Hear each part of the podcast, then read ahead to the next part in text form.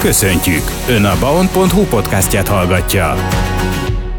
És itt van velünk a stúdióban Csúszdi Szabó Erika, a Kecskeméti Szent Imre Katolikus Általános Iskola művész tanára. Jó napot kívánok, üdvözlöm! Jó napot kívánok!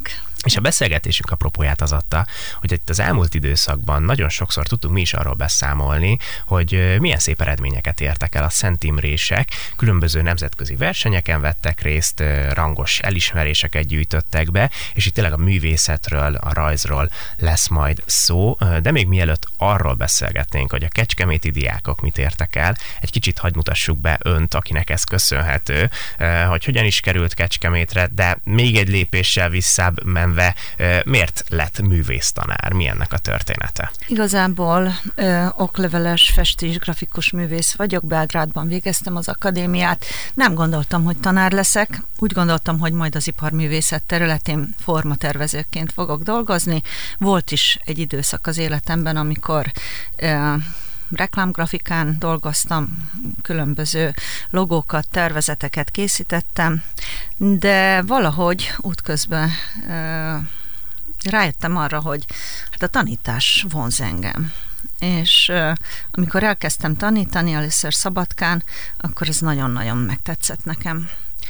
És később, amikor Kecskemétre kerültem, akkor itt is a tanítással foglalkoztam, vagyis foglalkozok még most is ugye ön vajdasági, ahogyan ezt igen. kivehettük a szavaiból, hogy került Kecskemétre. Igen, igen. Hát, mm, családdal együtt 90-es években átjöttünk Magyarországra, és itt Kecskeméten telepettünk le. Miért pont Kecskemétre? Ugye nagyon sok helyszín lehetett volna, vagy mi volt ennek a története? Esetleg itt kapott valaki állást? Igen, igen. Diákkoromban én Kecskemétre jártam ilyen kis kiegészítő keresetet szerezni, ugyanis hát az egyetemi évek nagyon sokba kerültek Belgrádba, és nyaranta ide jöttem Kecskemétre, és itt vállaltam egy kis diákmunkát. És mivel megismertem a várost, szerintem hasonlít Szabadkára, az építészete, mm, meg úgy általában. És vonzott nyilván ez a város, és amikor átjöttünk, akkor egyértelmű volt, hogy ismét Kecskemét így, terül, így került tehát Kecskemétre.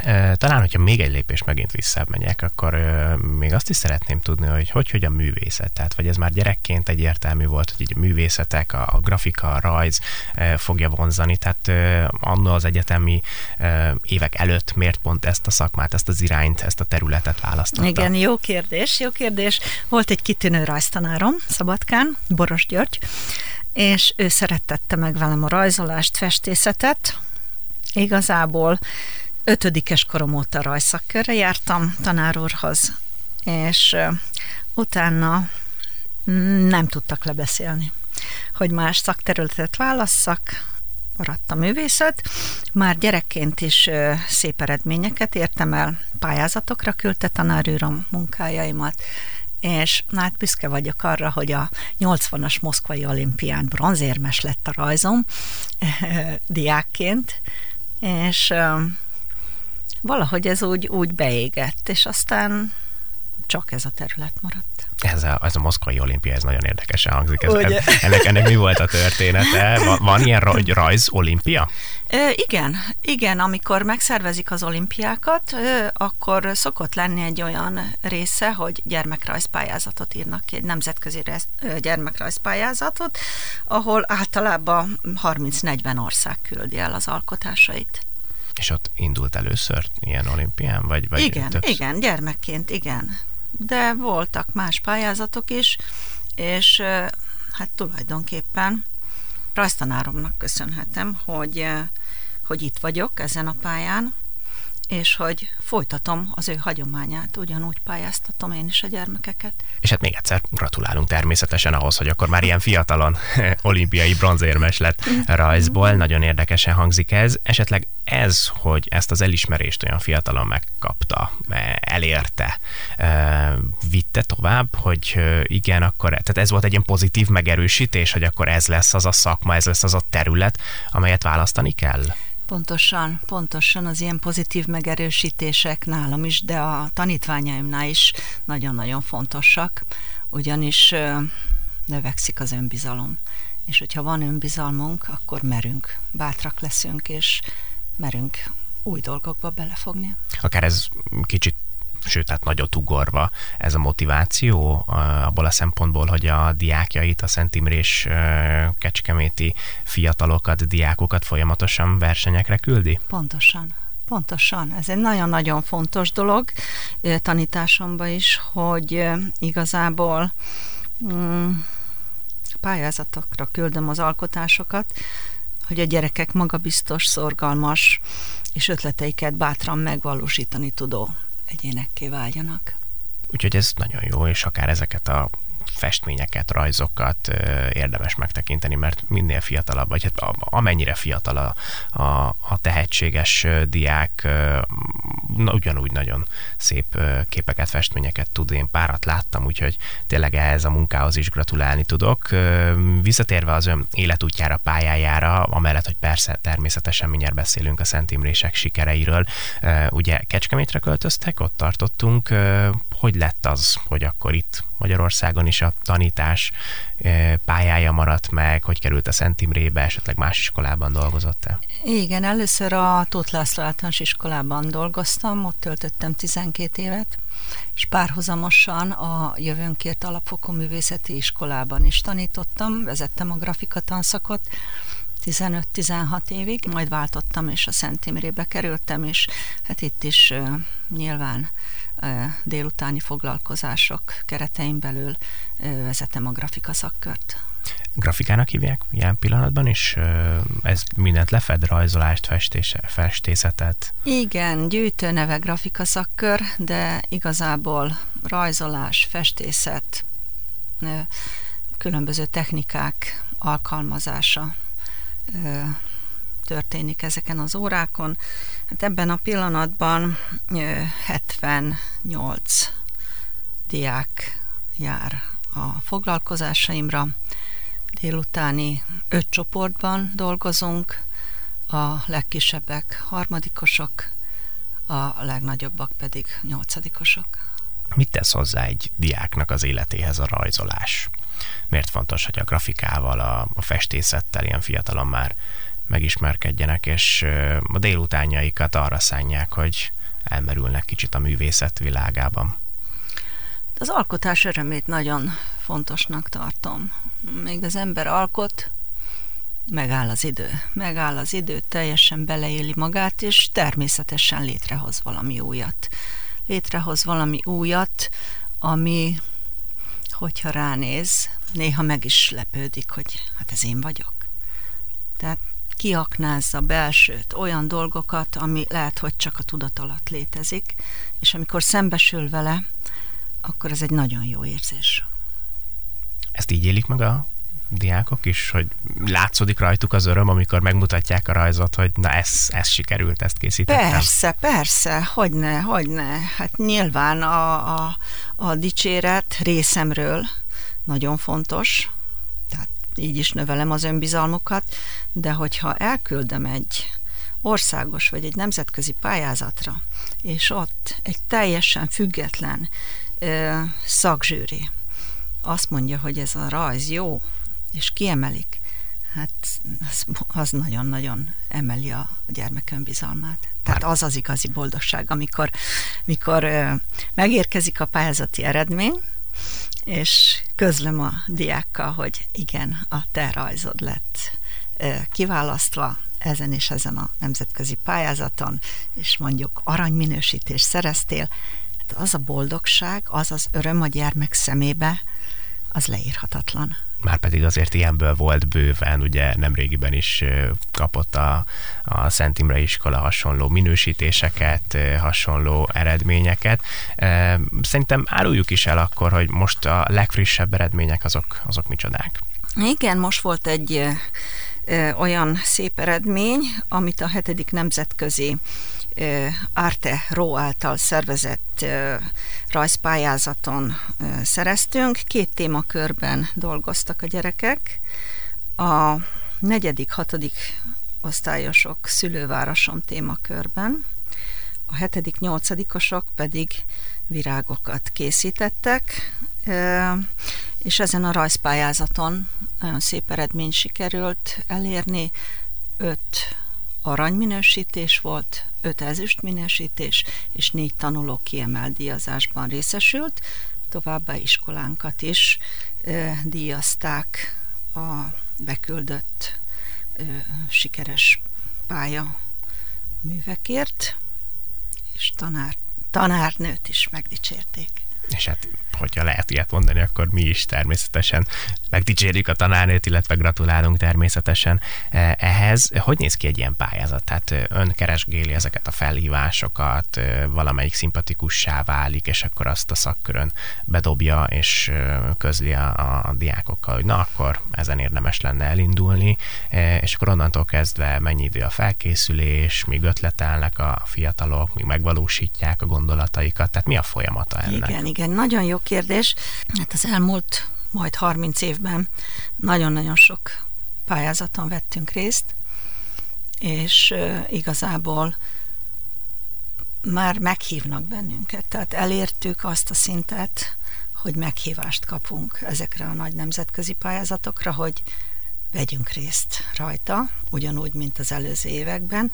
Van egy 5-6 ilyen nemzetközi pályázat, többek között a Kanagavai Biennálé, vagy a Makedon rajzpályázat, bolgár rajzpályázat, portugál rajzpályázat, tehát ezek ilyen, hogy mondjam, hagyományos pályázatok, de folyamatosan keresem az új pályázatokat is, és például ez a román rajzpályázat, ez teljesen véletlenül került elém, és nagyon megtetszett a téma, mert nyilván szülővárosról rajzolni, ez egy nagyon szép dolog, és mm, hát nyilván, igen, hogyha téma motivál, akkor megcsípjük azt a pályázatot, de igazából mm, vannak helyi, vagy pedig megyei országos pályázatok is, amiken részt veszünk, ezek nyilván adott témakörrel rendelkeznek, míg a nemzetköziek nem mindig. Tehát a nemzetközi rajzpályázatok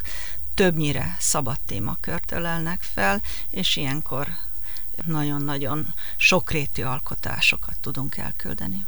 Ugye említette, említette, hogy ha a téma motivál, vagy motivációt jelenthet, akkor azon a pályázaton szívesen vesznek részt.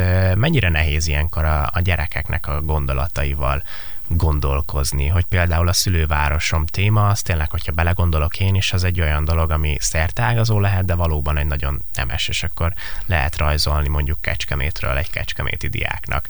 De lehet, hogy mondjuk a diák az másképp gondolkodik, és neki a robotok téma az, az, az jobb lenne. Most csak egy példát mondtam, szóval ez, ez mennyire nehéz tanárként belőni, hogy az érdekes lehet a diáknak, az pedig nem.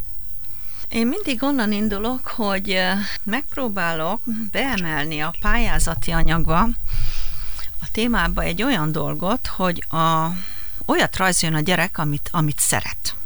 Na most mit szeret a gyerek? Főleg ez a korosztály, akikkel én foglalkozok, valahol a játék, a mozgás az, amit amit ismer nagyon jó a gyerek, és amit le tud rajzolni. Például a szülővárosom rajzpályázatnál is onnan indultunk ki, hogy először rajzolt le önmagad valamilyen olyan tevékenységben, amit te szeretsz.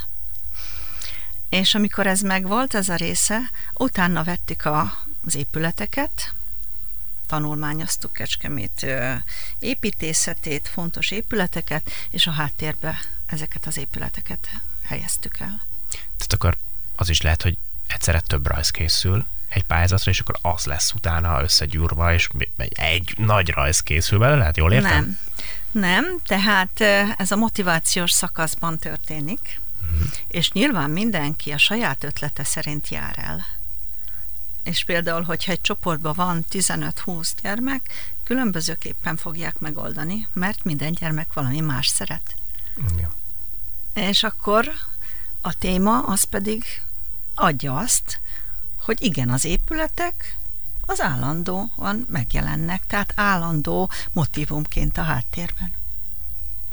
Ha már ennél a szülővároson példánál így leragadtunk, akkor ha pár példán keresztül tudnánk szemléltetni, hogy milyen gondolatok mentén ragadták meg ezt a pályázatot a, a diákok, tehát mit rajzoltak le, mi jutott eszükbe Kecskemétről vagy a saját szülővárosokról?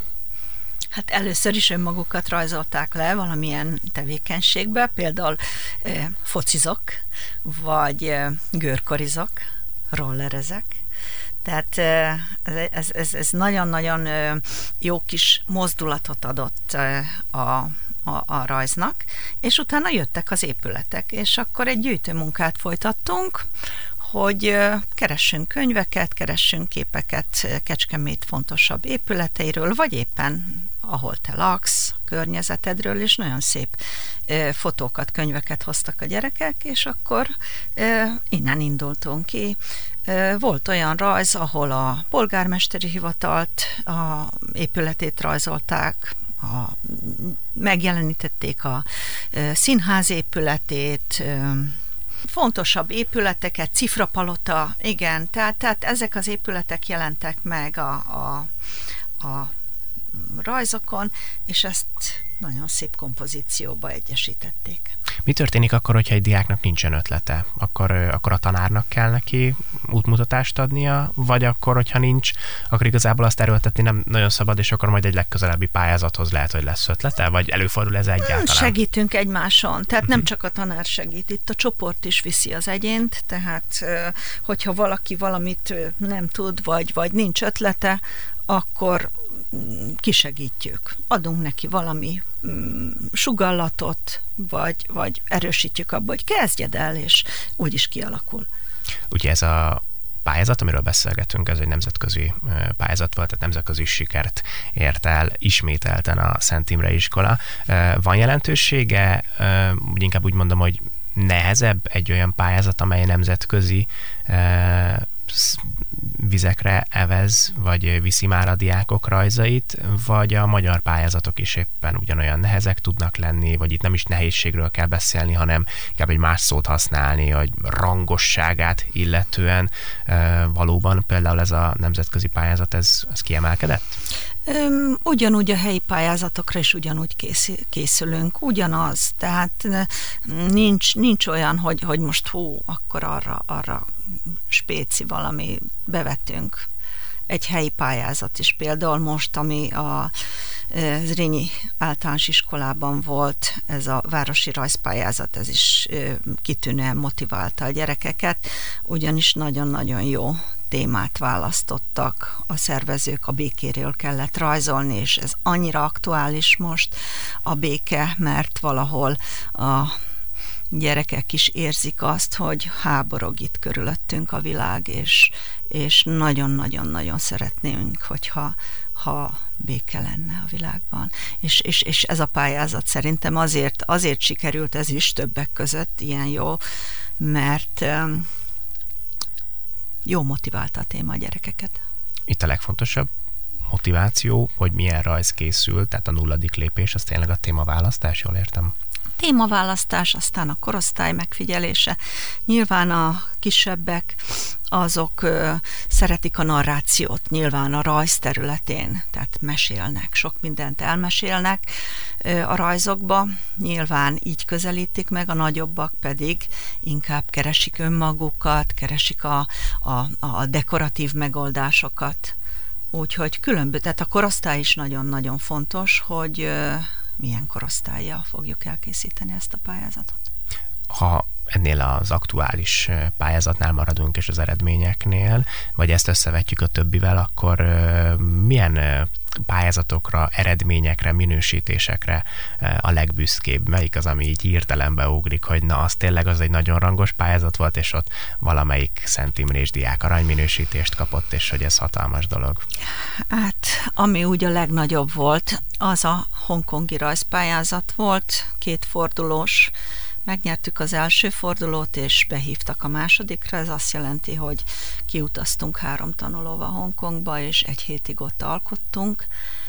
Igazából 20 ország vett részt ezen a pályázaton, nagyon-nagyon büszke, egyedüli magyar csapat voltunk, és a 20 országból negyedikek lettünk. Arra nagyon büszke vagyok. Közel volt a dobogó, persze nyilván szerettünk volna dobogósak lenni, de a negyedik helynek is nagyon örültünk, és utána következő évben jött a portugál nemzetközi rajzpályázat, az is kétfordulós, kijutottunk oda is, és ott már dobogós helyezés, harmadikok bronzérmet szereztünk. Valahogy ez úgy, ez, ez, ez maradt meg. A, ezek voltak a legnagyobb pályázatok, de több helyen jártunk a világba, versenyeztünk négyszer Portugáliába, Szlovéniába, Macedóniába, Franciaországba jártunk én. Tehát voltak nagy-nagy pályázatok, egy picit a Covid megállított bennünket, de én úgy gondolom, hogy lesznek még ilyen nagy pályázatok is. Ilyen elismert művész tanárként melyik országból lehetett a legtöbbet inspirálódni, ha így visszagondol ezekre a pályázatokra? Hol olyan a művészeti élet, ahol az az eltöltött pár nap, egy hét, mondjuk az a hongkongi egy hét, ami a legtöbbet hozzáadott az ön mondjuk felfogásához, tanári hitvallásához, tekintettel arra, hogy az a helyszín, mondjuk Hongkong, Portugália, Franciaország, nem tudom, ott olyan a művészeti élet, amelyből lehet inspirálódni. Igazából nem is az ottani művészeti élet, hanem a csapatok, akik különböző országokból jönnek és hozzák a saját kultúrájukat, és nyilván úgy festenek, úgy rajzolnak, ahogy otthon készítik, és ebből tanultunk sokat, vagyis tanultam én sokat, hogy hogyan csinálják azt mások. Egész más technikákkal dolgoznak, más a hozzáállásuk, tehát ebből próbáltam merítkezni. Nagy hatással voltak rám az indiaiak, az indiai csapat, nyilván a, a hongkongi csapat is, de az orosz csapat is. Tehát eh, ahogyan ők dolgoznak, amilyen munkabírással. A, látszat rajtuk, hogy, hogy, hogy nagyon kemény felkészülés előzte meg ezt a versenyt, és hát nagyon szép eredményeket értek el. Valahogy tehát ebből próbáltam merítkezni, hogy, hogy mi is esetleg azt, amit nem, nem úgy csinálunk, hogy, hogy egy picit tanuljunk tőlük. De nyilván nekünk is stílusunk, egyedi hozzáállásunk van ezekhez a versenyekhez, és nyilván büszke is vagyok arra, hogy, hogy a gyerekek azért vitték mm, ezeket a szokásokat, vagy hát e- ezeket a módszereket. És hát szívből gratulálunk tényleg, hogy így a világ több pontjára is sikerült eljuttatni a fiatalokat és a tehetségeket, akár Hongkongba, azért ott nem minden nap jár az ember, és óriási dolog. Én azt gondolom, hogy egy ilyen versenynek köszönhetően kecskeméti diákokat lehetett oda elvinni, vagy Portugáliába, vagy Franciaországba, vagy az említett területekre. Amikor kijut oda egy csapat, akkor ott az ott eltöltött pár nap az hogy néz ki? Tehát ott kapnak egy témát, és akkor van egy hét kidolgozni az adott rajzot? Mert említett, hogy Hongkongba egy hetet Igen, töltöttek el. ez egy plener verseny volt, különböző helyszínekre vittek bennünket, és a szabadban kellett festeni. Hét nap mindig külön helyszínekre mentünk, például jártunk a Hongkongi Egyetemi Város területén, ott kellett. Nyilván ilyenkor önállóan választjuk meg, hogy mit fogunk motivumként megjeleníteni, és hogyan de nagyon érdekes volt, amikor elvittek bennünket egy kínai halászfaluba, ami a világörökség részét képezi, és ott kellett festeni. Érdekes volt, mert számítottam erre, hogy lesz majd egy vizes környezet, amit a gyerekek meg kell jelenítsenek, és úgy készültünk fel a nyár folyamán, hogy kimentünk a Holtiszára, és ott festettünk a gyerekekkel, készültünk a hongkongi vizekre, és ez be is jött, és nagyon-nagyon örültek a gyerekek, hogy Erika néni, hát ezek a bárkák olyanok, mint a a, a, a Tisza partján. Hát ez nem is új nekünk. Uh-huh. Úgyhogy Hát igen, egy ilyen nagy nemzetközi versenyt azért ö, nagy felkészülés előzi meg. Egész nyáron festettünk a gyerekekkel, különböző helyszínekre mentünk, persze a szabadidőközpontba is kimentünk, ott is festettünk vizet, meg nyilván az épületeket is.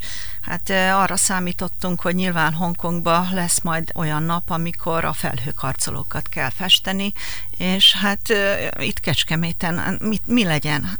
elmentünk a malom közelébe, ültünk le, és a malom épületét próbáltuk megrajzolni, megfesteni, hogy lássák a gyerekek a, a visszatükröződéseket, a reflexeket, amik majd nyilván ott Hongkongban is megjelennek a felhőkarcolókon. Volt ilyen nap, volt egy ilyen napunk, és hát azt is jól megoldottuk tulajdonképpen. És hát egészen érdekes, hogy azt gondolná az ember, hogy ott kapnak egy témát, és akkor azt elkezdik rajzolni a diákok, de nem erre készülni kell folyamatosan. Itt a technikában van nagyon nagy szerepe a készülésnek, vagy tényleg a, a térben, hogy el tudják helyezni a diákok, mert nyilván más egy iskolapadban a, arról festeni, vagy arról rajzolni, ami a fejükben, a vízióikban megjelenik, mint kimenni valahova, és azt az adott területet, tárgyat, épületet lerajzolni. Hát igen, itt nagyon fontos már a látvány, a tér megjelenítés, nyilván 7.-8 tanuljuk a távlatrajzot, komolyan for, foglalkozunk a perspektívával, nyilván ezt be kellett, hogy építsék a rajzokba, de különböző technikákat is alkalmaztunk, minden nap valami újjal rukkoltunk elő, és nagyon büszke vagyok arra, hogy fekete alapra történő festést nem láttam a más csapatoknál, és igazából aznap, amikor azt a technikát alkalmaztuk, akkor a, a a külföldi csapatok tanárai is, és a, a, a csapattagok is ö, oda jöttek, és nézték, hogy ezt hogyan csináljuk, ezt a technikát, mert nem ismerték. Tehát akkor sikerült valami újdonságot belevinni, vagy, vagy újat mutatni a külföldieknek. Igen, igen, igen, igen. Ezt előszeretettel alkalmazzuk, ezt a technikát. Most is, hogyha a nemzetközi rajzpályázatokra küldünk anyagot, akkor egy-két rajz biztos, hogy ezzel a technikával készül. Mi lesz a következő, ami már a tervekben, fejekben ott van, a következő nagy rajzpályázat? Hát van most egy országos rajzpályázat, ahol az élő örökségünkről, hungarikumokról kell rajzolni. Úgyhogy elkezdtük egy csoporttal most ezt a témát. Meglátjuk, hogy, ö, hogy jövünk ki belőle, elég rövid a határidő. Ö, cirkuszművészet és busójárás, egyéb ilyen ö, hungarikumokat ölel fel a pályázat. Meglátjuk. Elkezdtük a gyűjtőmunkát, elkezdtük az alapozást, megpróbálunk most egy háttérrel indulni, és, és utána haladunk a, az első képsíkok felé. Mm, remélem, hogy, hogy időre be tudjuk fejezni. Sok sikert kívánunk hozzá. Köszönöm Zárszóként szépen. még egy kérdés jutott eszembe. Ugye vannak iskolák, ahol mondjuk a sport nagyon jó, vannak iskolák, ahol nagyon jó kórusok vannak, és ott az ének által ismert az az iskola. Minden iskola valamiről híres, és én azt gondolom, hogy ez az adott tanárnak köszönhető, hiszen ő fedezi fel a tehetségeket. Minden iskolában természetesen ott vannak a tehetségek, de ezeket a csiszolatlan gyémántokat kell valahogy egyengetni az utukon. És önnek köszönhetően a Szent Imre mondhatjuk, hogy a, a grafik grafikáról, rajzról, festészetről, a művészetről ismert már a városban. Milyen tanári hitvallás szerint vagy mentén dolgozik? Igazából iskolánkban fontos szerepet játszik a tehetséggondozás, és nem csak a rajz, mert itt van a dráma, néptánc és, és egyéb szakterületek is. Nagyon örülök annak, hogy ilyen iskolában dolgozhatok, ahol fontosnak tartják a tehetséggondozást. Katolikus iskola vagyunk, én nagyon örülök, hogy ebben az iskolában dolgozhatok, adhatom át a tudásomat a gyerekeknek, de mindig visszakanyarodok oda, hogy, hogy igazából ez a hála tulajdonképpen ö, jó Istennek szól, hogy erre a területre terelgetett engem, adta nekem ezt a tehetséget, és adta azt a tehetséget, hogy a gyerekeknek át tudom adni a tudásomat. Úgyhogy igazából úgy érzem, hogy nem önmagamtól vagyok az, ami, hanem Jóisten munkálkodik az életemben. Ehhez a tehetséggondozáshoz a továbbiakra is nagyon sok sikert kívánok, és nagyon szépen köszönöm, hogy elfogadta a meghívásunkat, és beszélgethettünk. Én is köszönöm szépen. Csuzdi Szabó Erikával, a Szent Imre Katolikus Általános Iskola művésztanárával beszélgettünk az elmúlt percekben. Ennyi fért bele a mai műsorunkba. Tartsanak velünk a folytatásban is, én viszont most búcsúzom önöktől. Vízizalánt hallották a viszont hallásra.